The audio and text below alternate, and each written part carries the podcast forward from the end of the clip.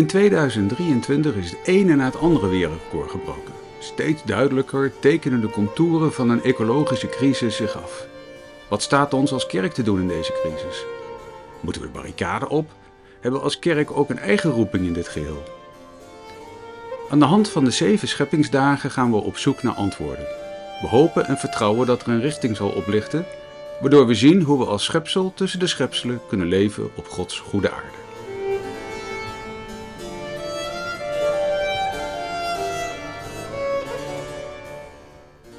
Dit is de derde scheppingsdag. Thema is overvloed. Voorganger is dominee Johan Visser. Opgenomen op 4 februari 2024 in de Noorderkerk te Amsterdam.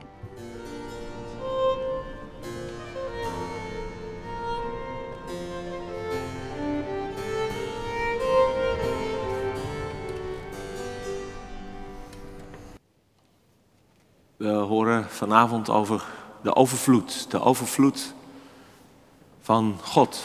Die God aan ons geeft in de schepping, in ons leven. En ook vanavond in de tekenen van zijn overvloedige genade en liefde. En wij mensen kunnen moeilijk omgaan met die overvloed. Of we trekken het allemaal naar ons toe als ons bezit. Of we geloven er niet in en blijven met onze eigen schaarste en kleinheid zitten. En laten we daarom aan het begin van deze dienst ons voor God verootmoedigen. En ons bidden en bidden om vergeving. Onze schuld beleiden. In het gebed is er een moment van stilte. Misschien zijn er dingen die zwaar op je hart liggen. Om die in de stilte dan ook bij God te brengen.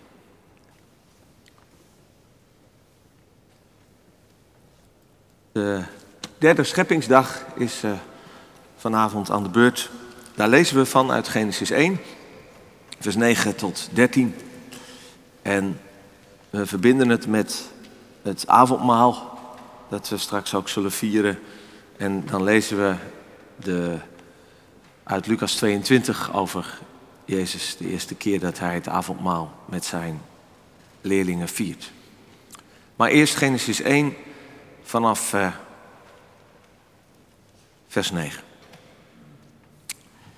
En God zei, laat het water dat onder de hemel is in één plaats samenvloeien en laat het droge zichtbaar worden. En het was zo. En God noemde het droge aarde en het samengevloeide water noemde hij zeeën. En God zag dat het goed was. En God zei, laat de aarde groen doen opkomen, zaaddragend gewas, vruchtbomen die naar hun soort vrucht dragen, waarin hun zaad is op de aarde. En het was zo. En de aarde bracht groen voort, zaaddragend gewas naar zijn soort, en bomen die vrucht dragen waarin hun zaad is naar hun soort. En God zag dat het goed was. En toen was het avond geweest en het was morgen geweest, de derde dag. En dan uit het evangelie van Lucas, hoofdstuk 22, vers 14 tot 20. En toen het uur gekomen was, dat was het uur van het paascha, van het Pesachfeest, ging Jezus aan tafel aanliggen en de twaalf apostelen met hem. En hij zei tegen hen, ik heb er vurig naar verlangd dit paascha met u te eten voordat ik ga lijden. Want ik zeg u dat ik daar zeker niet meer van eten zal, totdat het vervuld is in het koninkrijk van God. En nadat hij een drinkbeker genomen had en gedankt had, zei hij, neem deze en deel hem onder elkaar. Want ik zeg u dat ik niet drinken zal van de vrucht van de wijnstok, totdat het koninkrijk van God is gekomen. En hij nam brood en nadat hij gedankt had, brak hij het en gaf het aan hem met de woorden, dit is mijn lichaam, dat voor u gegeven wordt. Doe dat tot mijn gedachtenis. Evenzo nam hij ook de drinkbeker na het gebruiken van de maaltijd en zei, deze drinkbeker is het nieuwe verbond in mijn bloed, dat voor u vergoten wordt. Zalig ben je als je het woord van God hoort en het bewaart. Gemeente van Jezus Christus. God heeft het licht geschapen, dag 1. God heeft de ruimte geschapen door het, hemel, door het hemelgewelf, dag 2. En dan ligt nu de duistere, chaotische oervloed van het begin stil te wachten op een nieuw scheppingswoord. En dan klinkt op dag 3, laat het water onder de hemel verzameld worden op één plaats, zodat het droge land zichtbaar wordt. En het gebeurde zo. Het water stroomde samen in de zeeën en het land werd zichtbaar. En God noemde het droge land aarde en het water zeeën. Aarde, land, een droge plek waarop leven kan ontstaan en groeien.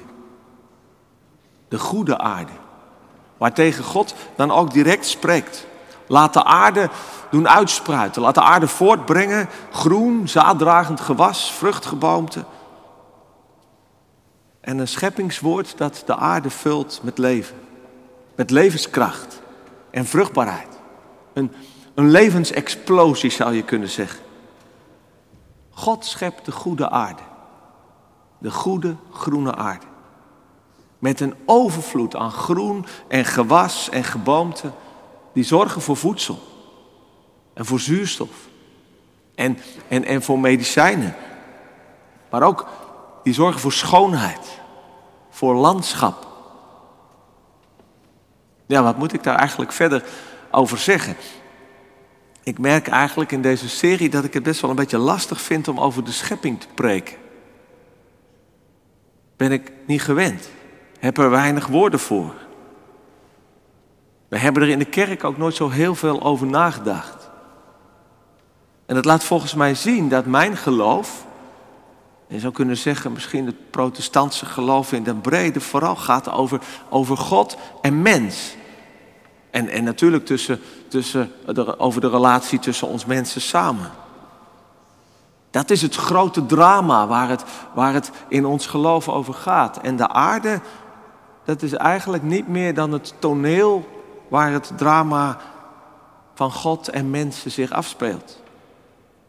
Of soms is de aarde niet, niet eens het toneel, maar is het verhaal ons innerlijk. Dat het gaat over God, die, die we in onze ziel, die, die we van binnen ervaren en, en voelen. Maar toch is dat eenzijdig, denk ik. En in ieder geval niet bijbels. De aarde zelf, met al het leven dat de aarde voortbrengt, heeft ook betekenis voor God. En heeft ook betekenis in ons geloof.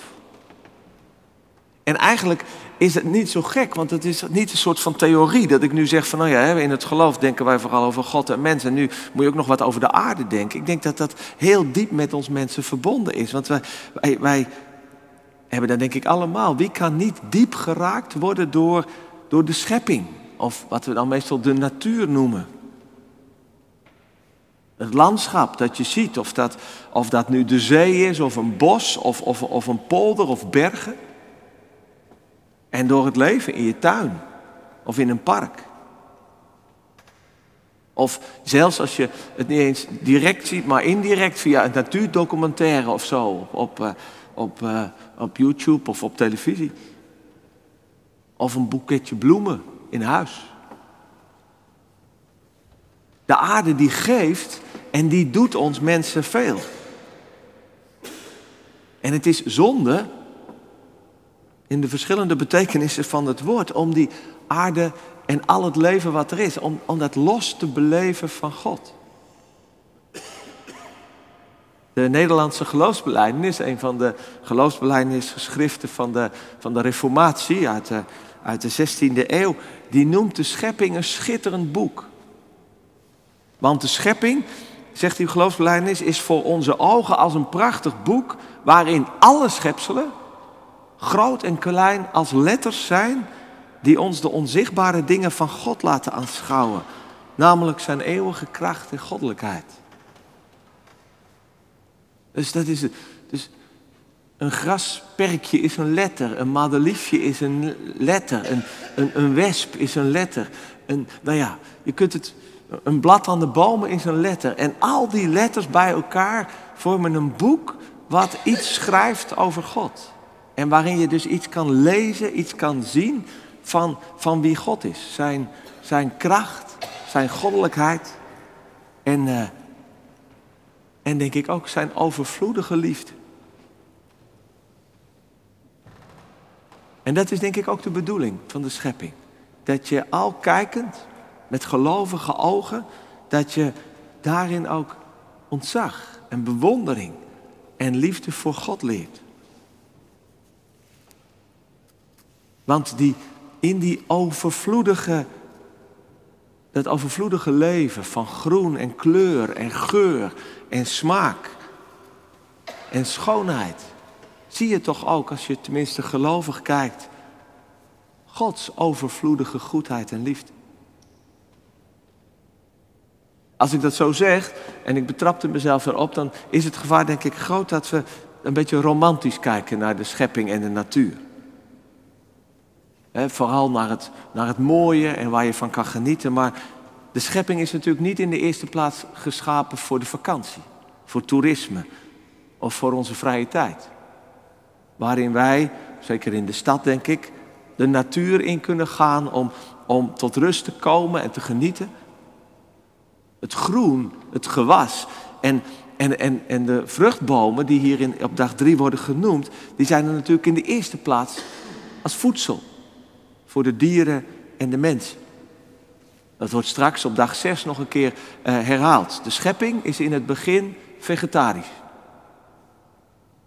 En je moet, dat, dat, is, is prachtig wat er allemaal groeit, maar je beseft natuurlijk ook dat de aarde bewerken om daar voedsel uit te krijgen, dat dat dat dat niet zo gemakkelijk per se is. Dat dat zeker in bijbelse tijden hard en onzeker was.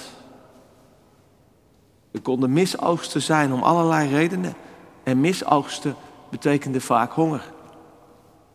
En ook nu is de aarde bewerken en voor voedsel zorgen op een hele andere manier vaak hard. En en toch, dus zonder romantisch te worden en te zeggen, nou, hè, dat, is, dat is één grote keukenhof of zo, die schepping van God. Allemaal om naar te kijken. Toch hoor je ontzettende bewondering. En een soort van loflied over de overvloed van wat de aarde voortbrengt. Al dat leven, groen, zaaddragend gewas, vruchtboom. Al dat leven, ook datgene wat niet per se direct nuttig is, denken wij, en als voedsel voor ons dient. En ik denk dat als het dan bijvoorbeeld vandaag gaat over het uitsterven van zoveel soorten. Gaat over planten en gewassen. Gaat ook over insecten, over dieren. Uitsterven wat komt door onder andere het gebruik van bestrijdingsmiddelen en de, de grootschalige landbouw die wij hebben. Omdat we nu eenmaal zo goedkoop en zoveel mogelijk voedsel willen produceren dan denk ik dat de schepping van God en dus de schepper van ons vraagt dat we een balans moeten zoeken tussen zowel voedsel, dat er genoeg voedsel is voor de mensen, dat boeren een normaal bestaan en een normaal inkomen kunnen hebben, maar dat er ook zorg is voor die overvloed van dieren en planten die God heeft geschapen. En dan niet alleen om te genieten, ervan te genieten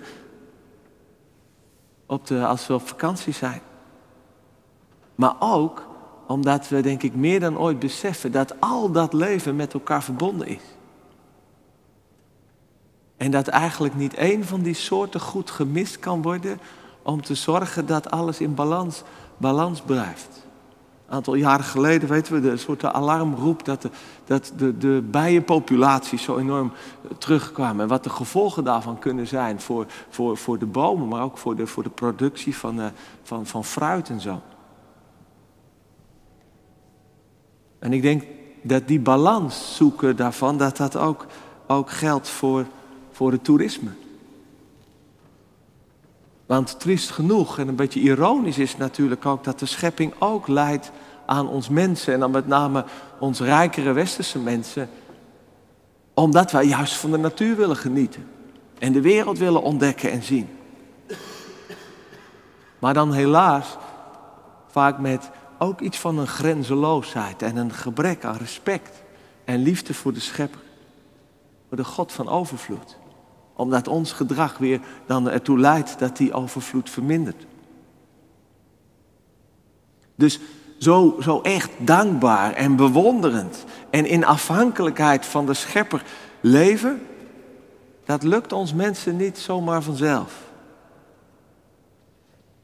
Ook daar moet God aan, de, aan te pas komen.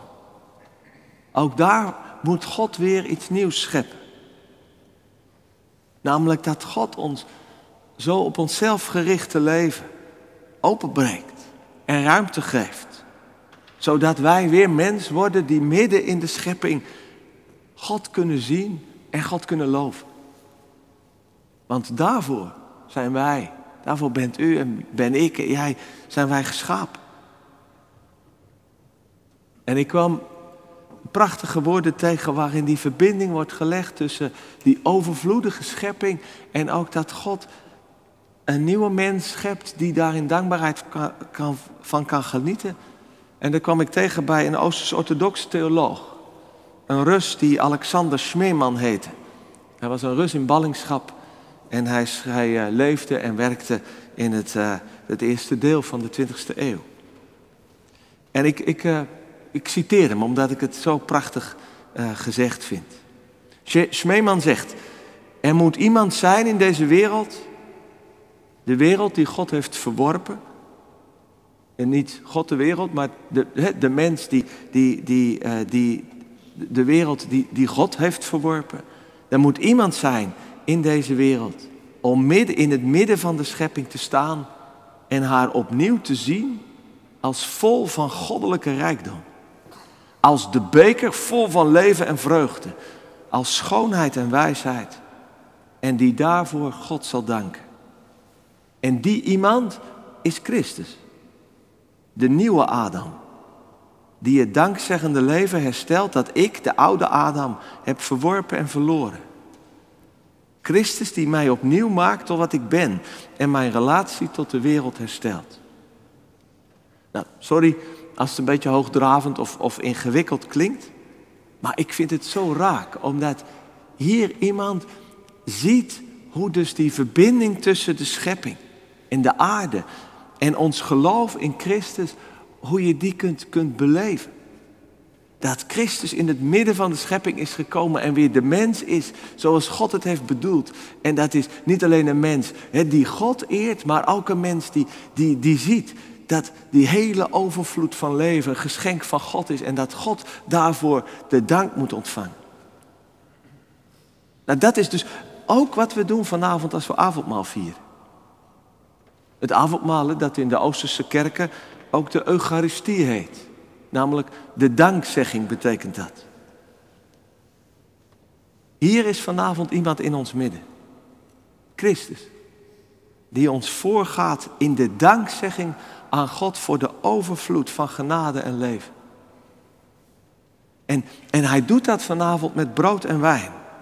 Dat is ook mooi om te beseffen. Brood en wijn, dat zijn de dingen die bij de derde dag horen de opbrengsten van wat de aarde heeft voortgebracht.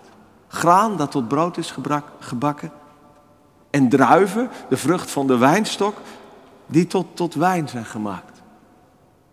En zo met die, met brood en wijn, dankt hij voor Gods overvloedige schepping.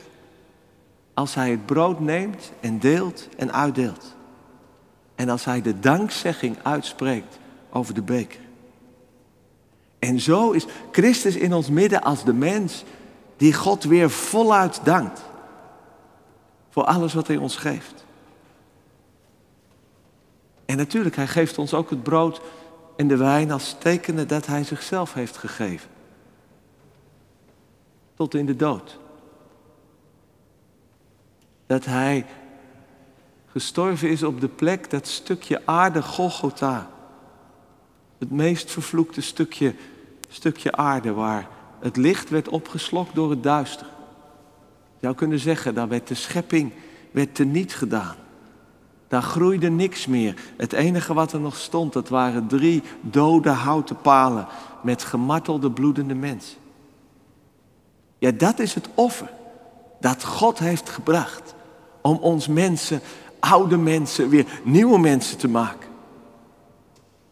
Wij, de ondankbaren, die God en zijn schepping verwerpen. Of die juist ons erop storten alsof wij er de baas van zijn. En helemaal niet hoeven te danken, maar wij kunnen het bezitten en beheersen, want het is van ons. Maar Hij heeft zich opgeofferd.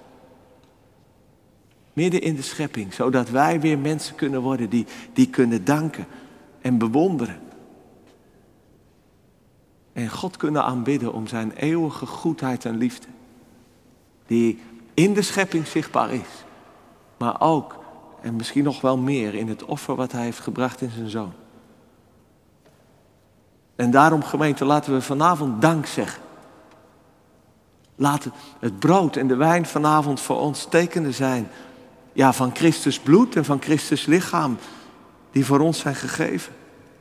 Maar laat het vanavond nu ook eens tekenen zijn van alles wat op aarde door Gods scheppingswoord is voortgebracht. En dat wij dan gewoon hier Jezus mogen nadoen. Dat we verbonden met Hem God mogen danken voor de overvloed van Zijn goedheid en van Zijn gaven. En dan herinnert deze tafel niet alleen aan Golgotha. Dat is denk ik standaard. Als we naar het avondmaal gaan, dat we daaraan denken. En dat, dat moeten we ook zeker blijven doen.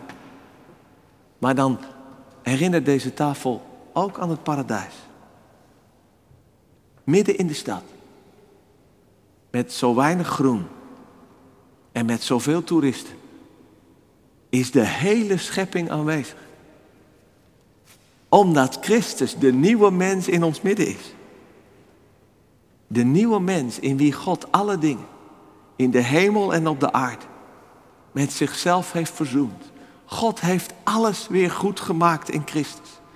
Ja, zondaren heeft hij goed gemaakt, de mensen en, en, en, en mensen. Maar alles. Dus ook de planten, de bomen, het groen, de dieren. Van de hele schepping geldt weer. En God zag dat het goed was. En dat is hier even in een teken aanwezig. Want we weten allemaal dat het natuurlijk nog, nog niet is. Dat het nog wachten is tot de dag, dag komt dat Gods rijk komt. Maar nu hier even in het geloof is het aanwezig. Het is weer goed. Alles. En wij komen bij Christus. Om met Hem te danken. Te leren danken. Te oefenen in dankbaarheid. Want Hij doet het niet meer op aarde. Dat heeft Hij gezegd. We lazen het uit, uh, uit het Evangelie. Ik zal geen brood meer eten, ik zal geen wijn meer drinken. Totdat het, ik het dat nieuw zal doen in het koninkrijk van God. Op het moment dat het werkelijkheid zal worden. Maar hij doet het nu nog wel in zijn lichaam op aarde. In de kerk. Waar mensen, en dat vind ik altijd fantastisch om te beseffen, dat, dat, dat vandaag over de hele aarde verspreid mensen dit doen. Op allerlei verschillende manieren, maar ze hebben het gedaan en ze doen het nog. Miljoenen. Samen in het vertrouwen op Christus. Brood breken. De beker rond laten gaan. En in liefde en bewondering voor God onze Schepper. Dank zeggen. Dank u voor al uw goede gaven. Amen.